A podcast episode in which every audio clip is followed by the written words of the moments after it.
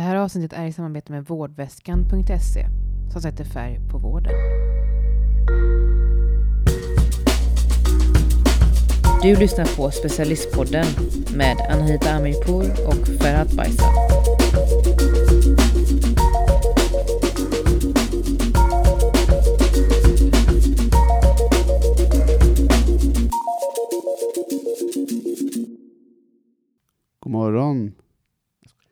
God morgon och glad Lucia.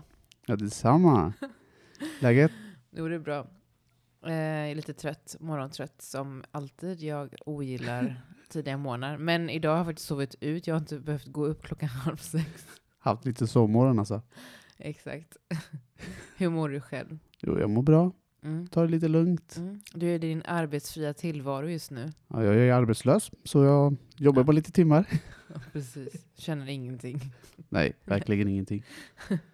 Ja, och eh, idag ska vi, spelar vi in avsnitt fyra, eh, när hjärtat stannar. Mm. Vad är det vi ska prata om Anita idag? Ja, vi ska prata om något så um, dramatiskt som hjärtstopp. Vi ska prata lite om orsakerna. Och du har ju intervjuat en person som heter Jenny Karlsson. Ja, exakt. Som är själv sjuksköterska och HLR-instruktör som fick själv ett oväntat hjärtstopp förra året. Mm. Så vi har ju intervjuat henne, så vi får höra lite mer Mm. om hur perioden innan och efter hjärtstoppet har varit. Mm. Ganska intressant. Okej, nu ska jag göra en quiz med dig här. Ja, Hur många tror du får hjärtstopp i Sverige? Alltså årligen liksom. jag har en siffra i huvudet, men jag tror att det ligger runt 8000. Mm, det är nära. Alltså Mm. det är 10 000 hjärtstopp om året och det är ju ungefär 25 personer om dagen. Oj, Mm. Eh, De allra flesta är utanför sjukhuset. Man brukar säga Mm. på forskningsspråk out of hospital cardiac arrests. Alltså utanför sjukhuset hjärtstopp på svenska. Ehm, och vart tror du är den vanligaste platsen man får ett hjärtstopp? alltså om jag tänker till exempel när jag jobbar på ambulansen så har jag varit ganska, alltså majoriteten har varit hemma.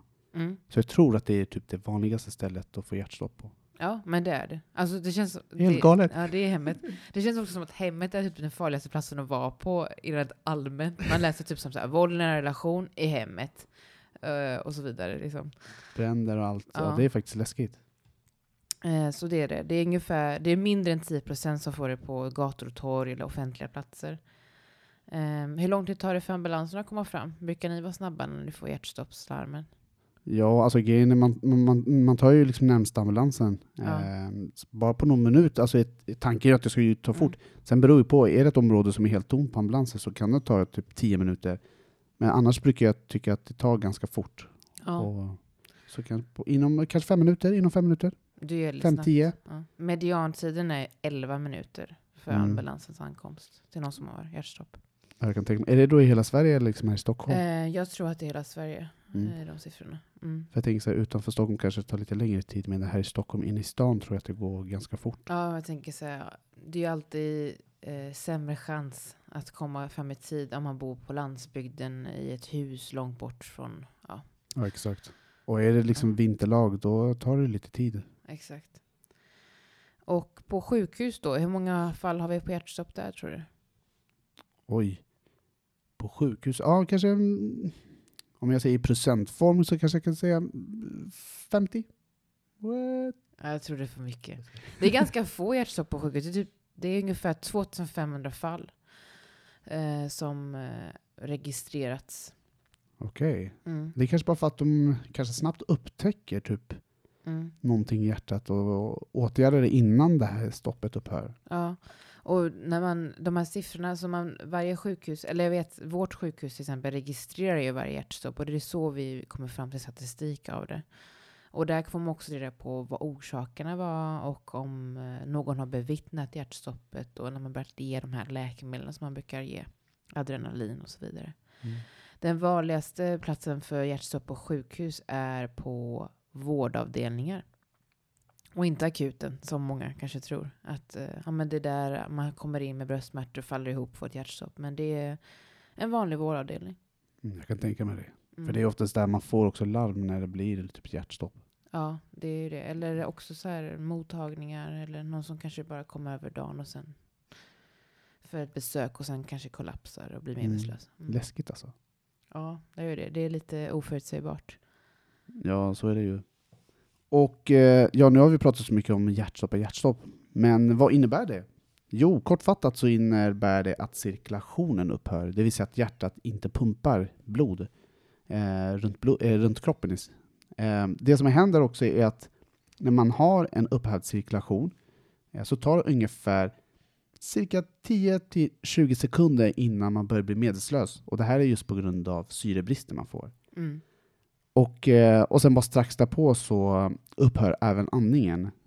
Ehm, och eh, det som är så viktigt att veta är att en upphävd cirkulation i ungefär 3-5 minuter så tar hjärnan ganska stor skada av den här syrebristen. Och, eh, och man brukar säga att man, för varje minut som går så minskar chansen att överleva med 10%. Det är väldigt mycket. Alltså det är helt sjukt. 10% varje minut. Så ni förstår liksom hur allvarligt det här är. Och det här innebär ju att efter 10 minuter så är snittchansen att överleva alltså ganska lite, alltså mycket, mycket, mycket liten alltså. Mm. Ehm, så det gäller också att det här är liksom en kamp mot tiden för att vinna tillbaks eh, personens hälsa, eller patienten om man ska säga. Och att man liksom har personer i närheten som kan HLR, alltså hjärt och Det är lungräddning. så viktigt. Vi kommer snacka lite mer om det lite senare. Men, Men vet- varför, får man, eh, varför får man hjärt, hjärt, hjärtstopp? Hjärtstopp, alltså det vanligaste orsaken är, är ju akut hjärtinfarkt. Det vill säga att eh, eh, en del av hjärtat eh, får inte eh, någon liksom blodsyre eh, på grund av att det är täppt till i kranskärlen, det vill säga kärlen som försörjer hjärtat. Eh, att det är det som orsakar till att man eh, att hjärtat får till exempel rytmrubbningar, att eh, man får till exempel ventrikelflimmer, som också heter kammarflimmer. Och det innebär att det blir liksom en sorts elektrisk kaos i hjärtat. Eh, att hjärtmuskeln krampar. Alltså, den pumpar inte som den ska, utan den bara står där och darrar. Liksom. Mm. Eh, och, eh, och då behöver man liksom en defibrillator, som kallas också för hjärtstartare, också DEF, Mm. eh, som ja, på något sätt ska starta om hjärtat. Och det kommer vi prata om lite mer eh, lite senare också. Så det är väl det det är. Akut Mm. hjärtinfarkt är det allra vanligaste. Sen finns det andra orsaker också. Eh, vi har till exempel luftvägshinder, om man sätter det i halsen. Mm. Eh, och sen har vi intoxikationer, alltså det vill säga över, eh, överdosering av eh, olika medel. Eh, stora blödningar. Eh, det är ju typ bland annat eh, orsaken till hjärtstopp. Yes. Eh, och när det kommer till barn vet jag att det är lite annorlunda. Ja, och- det är det. Ehm, de allra minsta barnen eh, som får hjärtstopp, eh, alltså spädbarn, då är det ju orsaken är plötslig spädbarnsdöd, eh, som ni kanske har hört talas om. Men Mm. äldre barn, de får, de får inte hjärtinfarkt. Det är en eh, sjukdom som drabbar vuxna, äldre människor, Mm. vanligtvis. Äldre barn, de, får, de drunknar eller kvävs eller är liksom med om ett olycksfall, vilket leder till att de får hjärtstopp. Um, alltså det är oftast andningsrelaterat problem när det gäller barn. Så det är därför det är viktigt att Mm. kunna hur man ska hantera om man nu har barn. Men vad gör jag om mitt barn sätter i halsen till exempel? Det är ju väldigt bra att kunna som förälder, tänker jag. Ehm, så det är en stor skillnad. Att det- hjärtstoppen är andningsrelaterade jämfört med vuxna. Och just uh, ventrikelflimmer som du nämnde, det är väldigt ovanligt hos barn om man inte har en underliggande hjärtsjukdom. Till exempel om man har en hereditär, eh, alltså en, en sjukdom som ens föräldrar eller någon i släkten har, att man har liksom ärvt den hjärtsjukdomen. Um, jag kollade på en eh, amerikansk studie om just barn och hjärtstopp. Och um, då hade man kollat på barn och unga vuxna, alltså upp till 34 års ålder.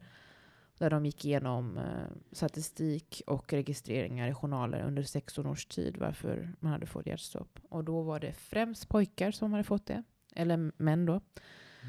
Och eh, det var arytmier som du sa, eh, rytmrubbningar som hade orsakat hjärtstoppen. Och också ischemisk hjärtsjukdom. Och ischemisk hjärtsjukdom det är eh, som sagt en sjukdom i kranskärlen då. Ehm, de blir eh, åderförkalkade, eh, kranskärlen. Det blir inlagringar av fett och blodkroppar och bindväv på insidan och då liksom får blodet svårare att passera och då kan en propp bildas. Och det är det som kallas för hjärtinfarkt då? då. Exakt. Och just det här åderförkalkningen, den heter ateroskleros. Eh, det är det begreppet liksom, eh, som orsakar propparna. Eh, en andra orsaker till de här hjärtstoppen som eh, de här kidsen fick, det var kardiomyopatier. Och det är en eh, sjukdom i hjärtat där det blir liksom förtjockning av eh, hjärtmuskeln kan man säga. Och just kardiomyopati, det har ju uppmärksammats ganska mycket i medier på de senaste eh, åren. Just för att um, eh, det, har blivit, det har varit fall där unga idrottare plötsligt dött alltså av sina hjärtstopp. Mm. Och då har de haft en form av kardiomyopati som heter hypertrofisk kardiomyopati. Eh, det innebär då att kammarväggarna i hjärtat är förtjockade och blodet kan inte pumpa runt. Eh, och det är också den vanligaste orsaken till eh, barn och ungdomar får hjärtstopp här. Eh, symptomen är ju då andfåddhet, eh, man får ont i sitt bröst, eh, man kan få hjärtklappning och man kan, också, man kan också svimma vid fysisk aktivitet. Så om man har någon i sin omgivning, om man har barn eh, som får de här symptomen, då ska man ta det på allvar, då ska man söka. Man, man måste, måste göra en screening, man måste kunna göra EKG, alltså mäta elektriska aktiviteten i hjärtat. Um, så ja, det är det. Ja, precis. Är... Alltså allmän svimning så brukar man säga att det är bra att kolla upp. Eh, för man kan ju svimma av olika anledningar. Eh, mm. hjärta brukar vara så. Men till exempel på ambulansen, där är, träffar jag på en patient som har svimmat av olika anledningar så tar vi alltid ett EKG. Ja. Just för att upptäcka Jättebra. det här. Ja. För alla har ju inte liksom samma symptom. Mm. Alltså det är ju superovanligt, men det finns där. Och de ja, det finns. Och det måste man ha i baktanken, Exakt. att det finns. Precis. Och vad eh. gör man då när någon har hjärtstopp? HLR, hjärt och lungräddning. Exakt. Och både du och jag är ju instruktörer. Precis. Jag, jobbade, jag hade ett företag där jag utbildade företag, nu gör jag inte det så mycket. Men du jobbar fortfarande med det mm. Eh, på ditt gamla arbetsplats? Eh, ja, alltså man har ju olika nivåer av eh, instruktörskap. Så man har en basal variant som heter basal HLR och då är det för allmänheten. Man har sjukhus HLR, sjukvårds HLR.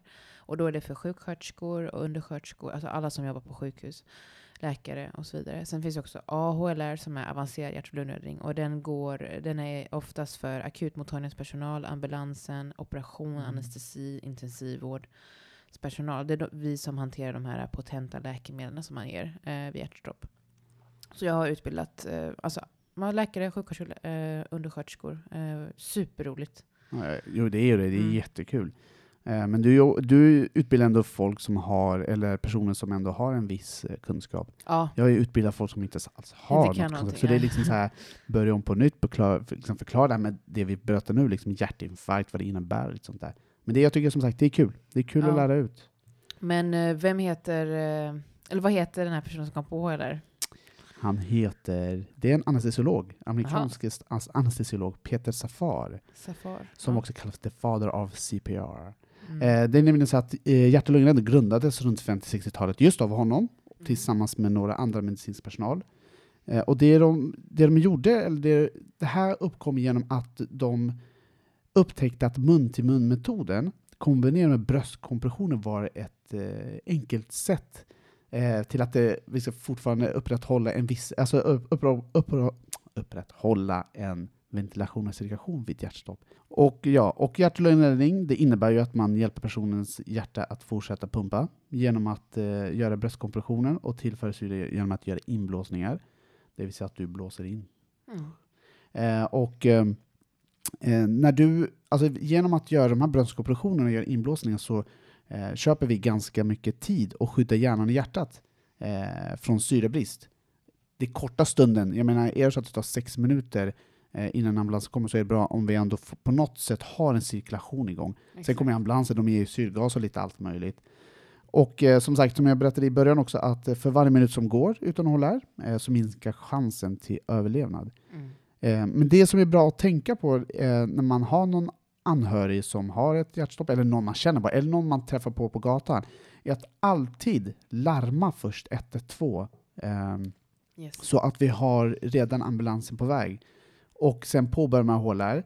och har man en person med sig, eller någon annan, eh, vi säger om man är ute på torget, så här, att man kan ropa på någon som kan hämta en sån här DEF, alltså defibrillator. Eh, för det är det som är det viktigaste. Eh, och sen kör man på fram tills eh, polisen, ambulans eller räddningstjänsten är på plats. Eh, så är det i Stockholm i alla fall när man, när man ringer till SOS. Mm. Eh, så sig ut både Till alla polis, ja, precis, och så SMS Livräddarna. Mm. Och du hade kollat väl någon studie här i Sverige? Ja, ehm, jag kollade på en studie där man analyserade tre decenniers hjärtstopp i Sverige. Och då undersökte man de patienter som fick HLR och de som inte fick HLR innan ambulansens ankomst.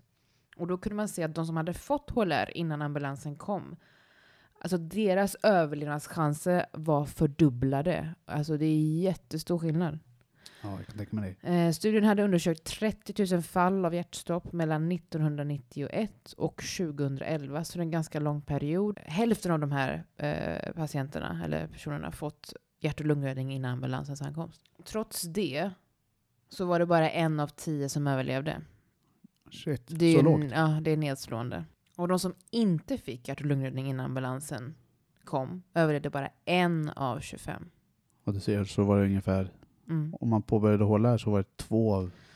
Ja, det var li- 25, lite, lite ja. bättre chans, Ja. men ändå inte superstor chans. Men Nej. ändå, alltså det är ju en stor skillnad. Och det är just därför det är viktigt att alla kan hålla och lära sig det. Överlevnadsvinsten liksom var oberoende av vem det var. Alltså det var unga, vuxna, eh, det var kvinnor, män, det var olika typer av bakgrundssjukdomar. Så det var liksom oavsett alltså, vad det var för människa som hade drabbats av hjärtstoppet.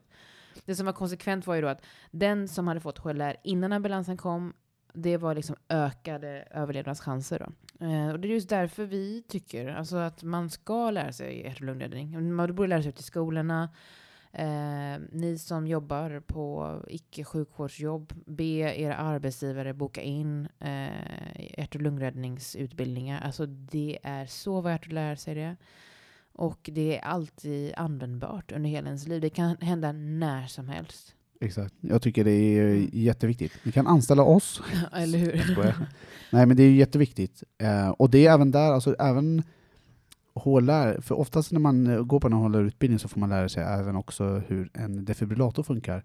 Vilket jag tycker, det är även det är också viktiga. Jag menar, ja, vi ska ha en upprätthålla en, liksom en cirkulation tills ambulansen kommer, men det som egentligen kan alltså, rädda patientens liv, det är ju en DEF. Ja, en DEF Och- är ju Det är otroligt viktigt.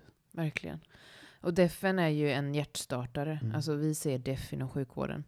Jag ska bara tillägga också att ni som jobbar i sjukvården, ni måste gå SHLR minst en gång per år. Och om ni inte gör det, var på era chefer om det. För det är så många gånger det försummas. Alltså det är, det är helt orimligt egentligen. Alltså jag har kollegor som inte har gått en hjärt och lungräddningskurs på tre, fyra år. Och vi jobbar med det här. Alltså det är liksom inte acceptabelt. Men i alla fall en DEF då. Och vad är en DEF? En DEF är ju en, eh, det är en Mm. halvautomatisk defibrillator kallas den. Och den ger liksom talade instruktioner till den som använder den. Ni har säkert hört den i vårt lilla mellanspel, rör inte patienten. Det är en DEF som pratar, det är inte jag eller Ferhat. Nej. Men eh, när man får den här strömstöten genom hjärtat så kan man liksom avflimra det här elektriska kaoset då som man kan ha då när man till exempel har ett ventrikelflimmer eller liknande. Um, och när man lyckas defibrillera så hävs kaoset och hjärtat kan återgå till sin normala rytm. Och alla får använda en, eh, en DEF, en hjärtstartare. Alltså du, eh, det finns liksom ingen lag som säger att du måste gå HLR-kurs för att kunna eh, hantera denna. Alltså vi rekommenderar ju att alltså, alla måste gå en kurs, alltså, oavsett hur gammal man är. Alltså Mm. barn kan också lära sig HLR. Alltså, du, kan, du är sju år, du förstår, du lyssnar. Alltså, det, är inte ens, det är ingen avancerad utrustning DEFen är. Det är liksom en on-off-knapp, en strömknapp när du ska defibrillera och så lägger du in en elektroderna på sidan av, eh, eh, av DEFen. Alltså det är inget avancerat, det kan vem som helst nästan göra. Ja, men exakt. Och sen Ja. på plattorna visar ju bild också vart man ska sätta dem, så det Precis. går inte att... Eh, Det Göra fel ja, det på går något inte att göra sätt. fel. Det är mer om man är super, super stressad och sen av stresspåverkan eh, påverkan liksom får lite svårt att minnas. ja, men exakt. ja, det står alltid och så vidare. Eh, och anledningen till att vi är så himla på att man ska hantera defen, det är att liksom sju av tio som får hjärtstopp, de överlever om man använder en def. Och det är jättestor skillnad. Alltså om man inte använder en def. Analyserar hjärtrytmen. Rör inte patienten. Och eh, nu till vår eh, gäst. Eh, och eh, vi har, jag träffade Jenny Karlsson Eh, som drabbades av ett eh, plötsligt hjärtstopp förra året eh, och upptäcktes i duschen av sin man som påbörjade snabbt eh, hjärt och lungräddning. Eh, Jenny är som sagt själv sjuksköterska och även HLR-instruktör. Eh, Jenny nämner eh, att hon har fått en ICD i intervjun och eh, ICD det är en implantar, eh, implantar Implanterbar defibrillator. Sorry, ja precis. Som, man får i, som hon har i sin kropp. Och den ger ju om hon eh, på något sätt får en rytmrubbning att den kan skicka en liten stöt, som en liten defibrillator, skicka Precis. stöt och få den till eh, normal rytm. Och den har också uppmärksammats i, i media på sistone när man fått ett implantat. För det har varit liksom, jag läste på, i, på SVT Nyheter om att en man hade en ICD på grund av att han hade haft hjärtstopp innan. Och den hade av misstag deffat honom typ 80 gånger när han var vaken Ja, jag, och inte hade symptom. nej, men jag vet, jag Det är har, så hemskt. jag har den Jag patient, måste- ja, men när jag jobbat på akuten så har jag haft några patienter som kommit in sån. Jag vet att jag hade en ung kille som hade det, och Ja, han var liksom så här, han fick det riktigt- stöt hela tiden. Ja precis, det riktigt lite lätt, men han sa ju liksom att det gör ju ont. det är ju fruktansvärt ont. Och, så, och sen hade batteriet dött. Ja. Och sen bara, tänk om han hade fått ett hjärtstopp då. vet, och då hade det varit- hade det liksom varit helt kört. Alltså så här, det, är inte, det är helt sjukt att medicinska implantat har sådana här felaktigheter. Ja, och tyvärr, det blir ju så, men... eh, Det är en risk såklart. Ja, men jag vet. Mm. Men eh, allt utvecklas ju, allt blir bara bättre och bättre. Men ja, så nu ska ni få höra eh, intervjuet med Jenny om den dagen hon fick hjärtstopp.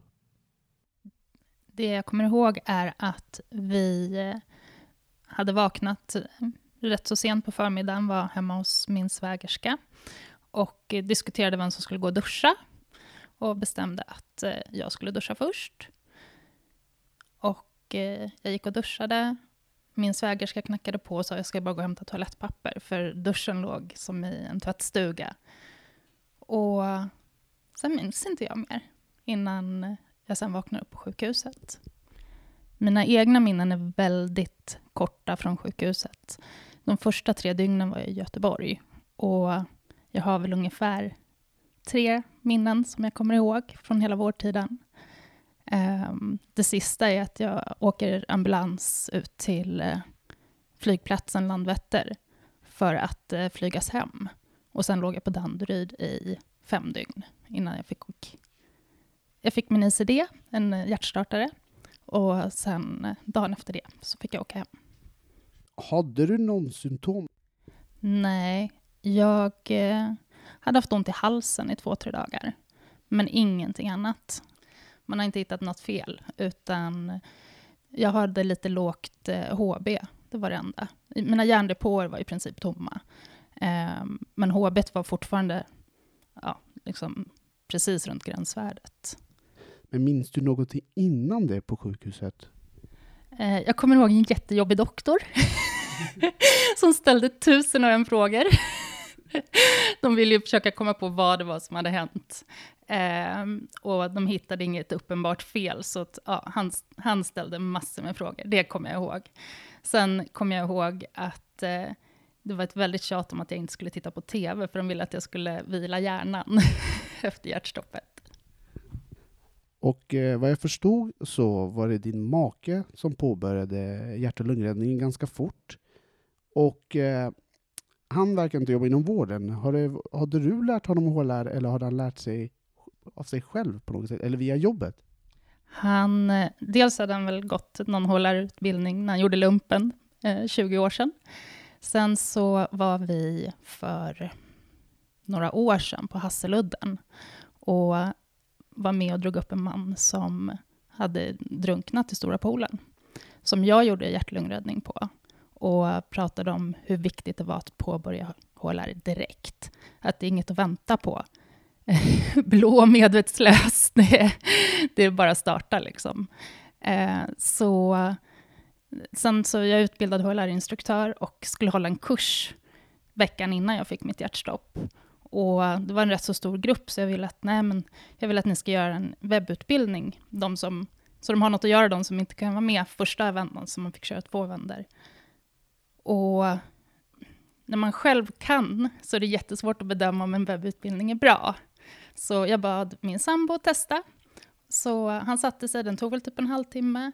Och äh, han tyckte den var bra, så jag körde. Jag hade den när jag hade hållarutbildning veckan innan.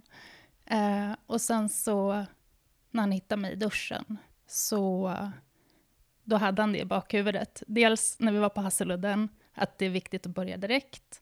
Och sen att han hade fått göra den här webbutbildningen. När de ringde 112 så var SOS jättebehjälpliga och bad honom räkna högt och eh, sa att nej, du gör lite för långsamt. Eh, så då fick han öka tempot. Och sen hade vi sån tur som ambulansen var bara sex minuter bort.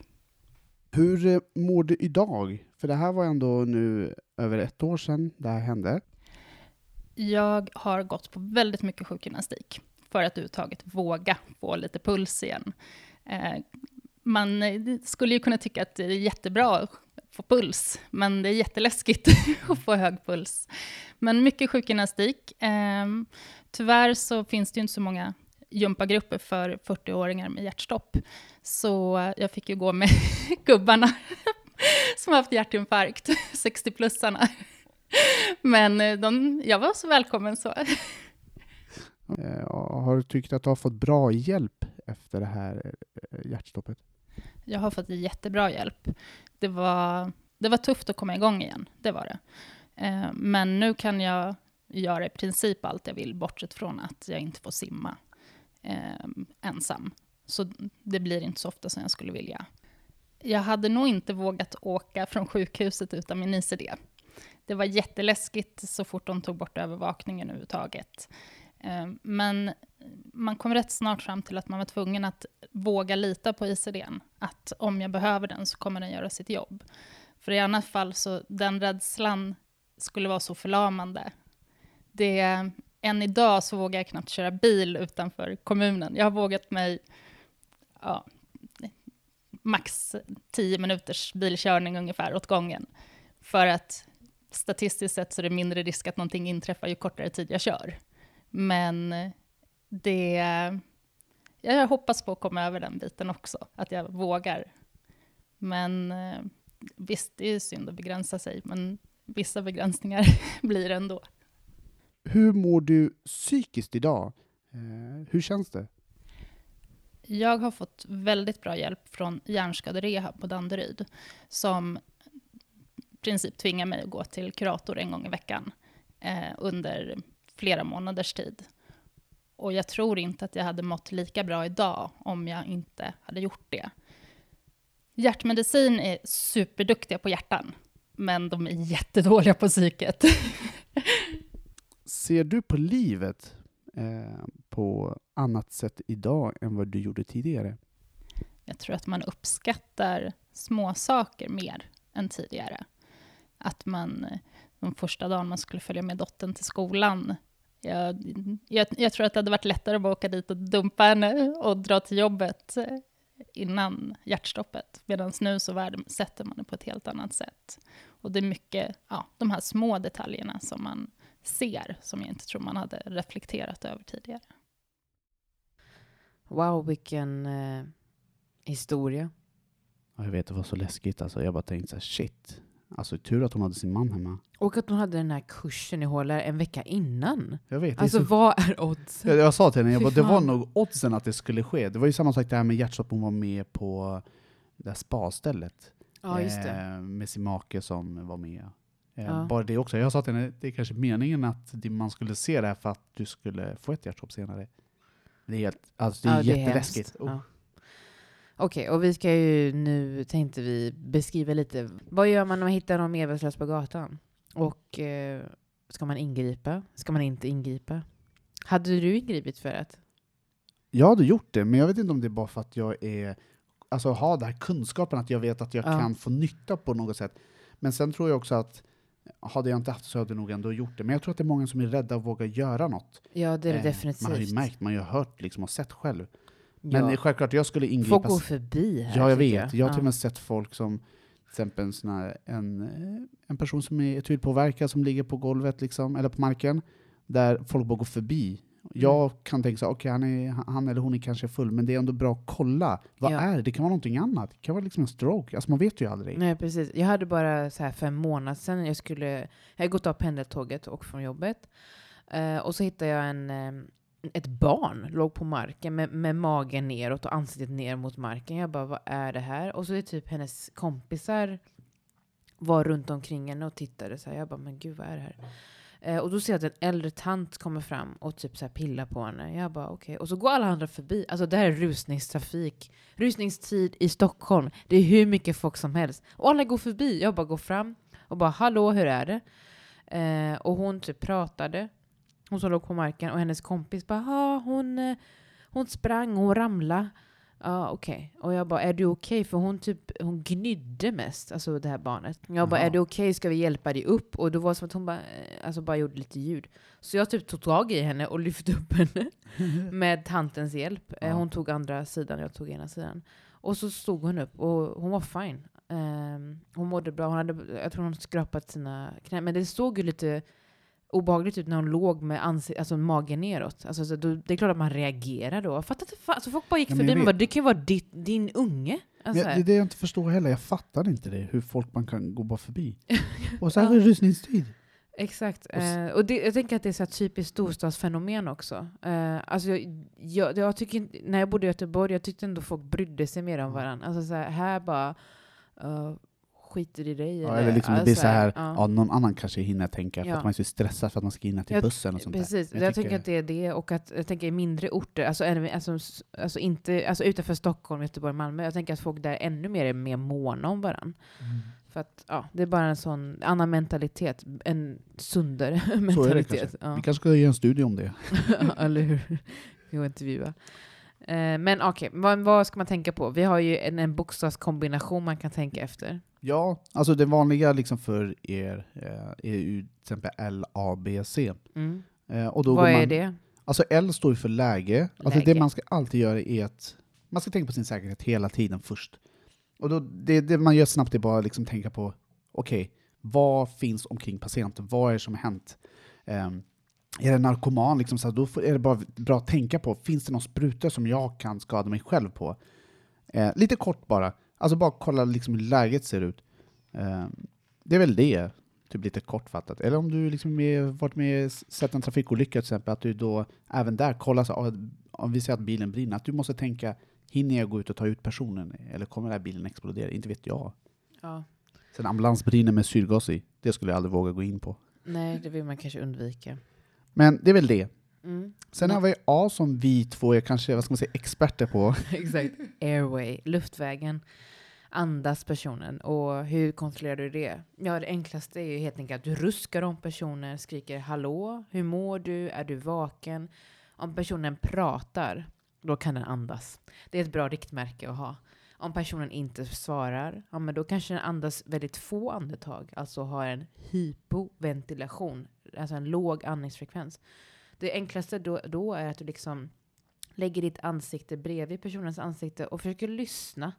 Om du känner att det kommer en varm puss mot din kind, att det är ett andetag ut och ett utandetag. Och så kan du också titta på bröstkorgen. Alltså du, när vi andas så, så rör sig diafragman. Så då kan du titta om den höjer sig eller sänker sig. Precis. Se, lyssna, känn. Brukar Exakt. man lära sig i skolan. Mm. Det vet jag att på gymnasiet så tjatade min lärare om det. Se, Mm. om bröstkorgen. Lyssna, om Jättebra. du hör en andetag. Och liksom känn som du Mm. sa. Liksom, Och det kan ta tid. Alltså så här, om man till exempel, som du sa, om man har ett int- alltså intravenöst missbruk av någonting, eller missbrukar andra läkemedel, eller substanser. Eh, många av dem kan påverka andningscentrum. Och då kanske man andas fyra, fem andetag per minut, men man andas ändå själv. Eh, men den personen är ändå medvetslös oftast, eh, så det, man måste larma. Den personen behöver hjälp här och nu. Men det, det är ändå en skillnad liksom. Eh, det är inte ett hjärtstopp då, men det är en allvarlig situation som kan bli till ett hjärtstopp. Ja, precis. För jag kan bara lägga till att jag var med i en sån situation, vi fick ett larm, hjärtstopp, ambulansen. Så kom jag dit, då var det samma sak där. Alltså man, man ska ju ge några sekunder på att göra, undersöka verkligen så här. Men då tog jag det som att ja, patienten andas inte, hjärtstopp. För han, vaknade, han tittade inte upp när jag ruskade till. Men när jag påbörjade kompressionerna, då jävlar gjorde det ont. Då liksom Ja. kom han igång egentligen. Alltså då, var jag med, då fattade jag okej, det är att han har överdoserat någonting. Så då Ja. gav vi liksom motgift Precis. och då gick det bra. Men precis, viktigt att ge tid att gå igenom de här. Så A hade vi där, Mm. Sen har vi bokstaven B som kommer efter A. som betyder breathing. Precis, andning. Om patienten andas, då är det samma punkt där. Ja, Alltså, Alltså, det går in i varandra. Ja. A och B går in i varandra. Liksom. A är liksom mer om man har en Ja. fri luftväg. Alltså det enklaste är så här, alltså vi som är sjukvårdspersonal, vi kan kanske göra mer grundlig kontroll. Men om du inte är det, ruska i personen, skrik, ta tag i axlarna och skrik. Hallå, är du vaken? Om den inte gör det och inte ens reagerar, ja men då har vi inte en bra andning. Nej, precis. Alltså så brukar det kan vara. vara. Det kan vara ett bra, alltså så här, där går gränsen kan man säga. Exakt. Jag tänker ändå att det där räcker tror jag. Alltså för LAB, det är nog det viktigaste ute på gatan. Om man Jag inte, tycker också det. Ja, alltså C och D, det är mer eh, hur vi inom akutsjukvården tänker. Och det, Mm. ja, jag tror att ni som är sjukvårdspersonal, ni vet redan vad det innebär. Exakt. Eh, en annan sak som är bra att veta är att om det är ett hjärtstopp ute på gatan och du råkar hitta den här personen, du kan gå in på hjärtstartarregistret.se och se vart närmsta defibrillator finns. För det finns 40 000 deffar runt om i Sverige utanför sjukvården. Alltså på, eh, i eh, köpcentrum, på gym och så vidare, myndigheter. Eh, det finns massor av deffar, men folk vet inte vart de finns. Så om det är så att du är vittne till någon som är, håller, har hjärtstopp, kolla upp det eller be någon annan göra det ifall du håller på och ger ge hjärt och lungräddning. Bara kör och be någon springa dit och hämta deffen. Och något som är bra att ha tycker jag är en andningsmask. Eh, finns ju överallt att köpa. Eh, jag har ju med mig runt en sån här liten nyckelandningsmask. Jag har också en sån. Ja, jättebra, för jag har en på väskan och en på liksom nycklarna. Eh, jag vill passa på att säga att ni kan, eh, för vi har ju rabattkod för er eh, följare, eller lyssnare, eh, som ni kan använda på vårdväskan. Och där får ni 15%, så passa på och köp några stycken andningsmask till dig och din familj, eller liksom kompisar eller vem du vill. Eh, och eh, koden, rabattkoden ni ska använda är specialistpodden. Då får ni 15%, så passa på.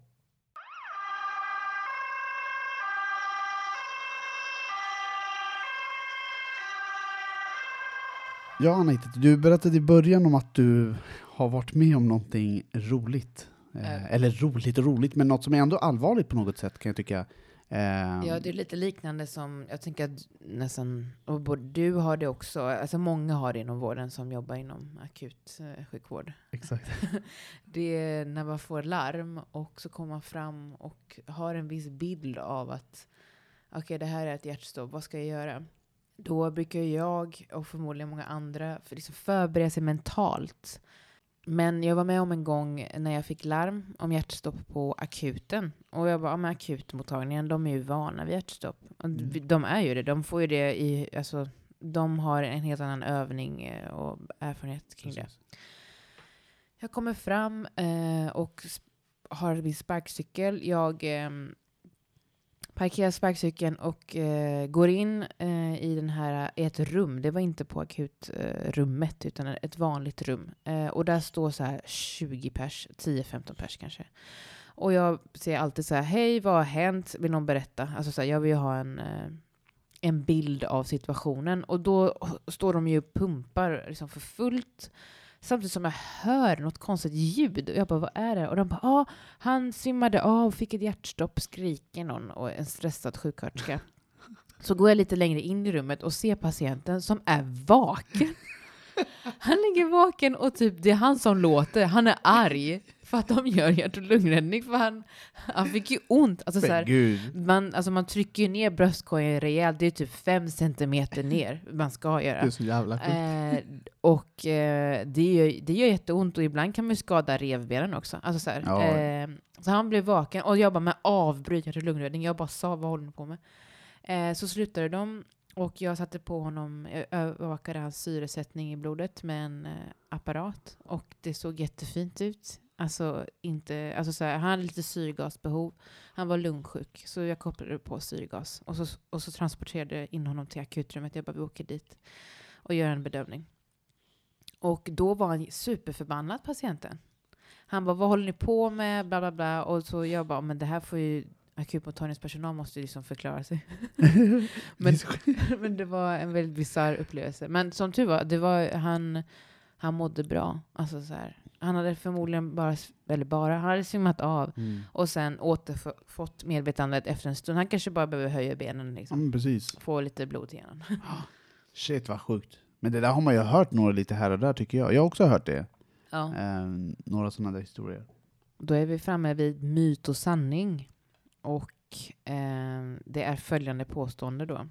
Kvinnor har andra symptom än män vid hjärtinfarkt. Och för att du har kollat på forskning vad gäller detta, vad har du hittat? För det vanliga symptomen man får lära sig i skolan eller man hör eh, på hjärtinfarkt är ju att, eh, att man har centrala kraftiga bröstsmärtor, att det kan vara en känsla som att någon trycker på bröstkorgen eller att det känns som ett band, eh, liksom som en bälte runt.